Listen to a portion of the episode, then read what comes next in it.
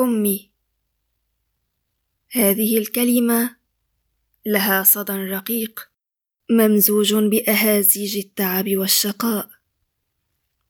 وكأن الأنثى تدفع ضريبة للحياة إن أصبحت اما. لا أخالني أعجب كثيرا بفكرة عيد الأم ربما لأنني لم أصبح اما بعد.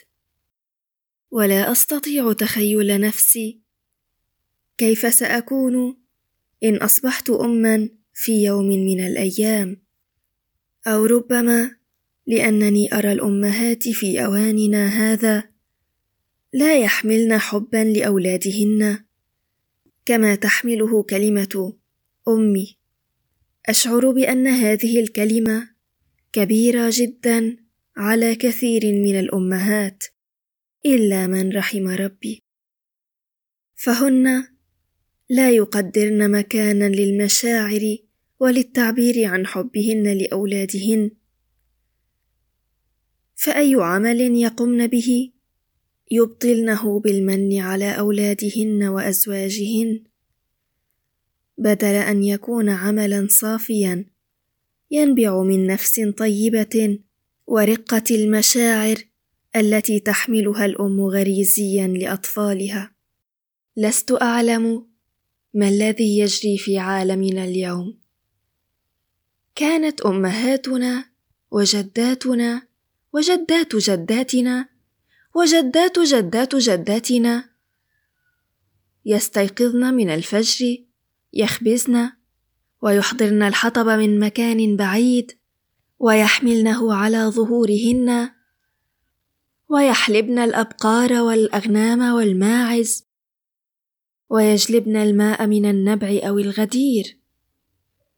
وفوق كل هذا التعب والشقاء لا يتفوهن بحرف لعائلاتهن فيه من وأذى بل تظل الضحكة مرسومة على وجوههن.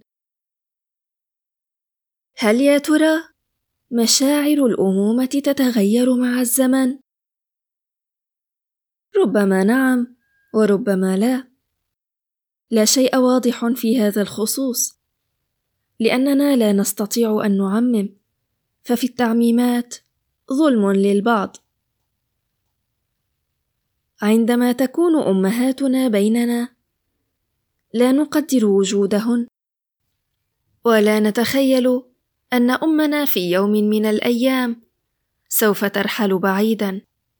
نتصرف بشكل عادي.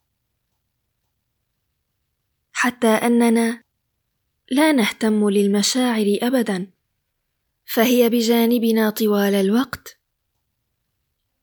لذلك يضيع التعبير عن مشاعرنا بين زحمة الحياة.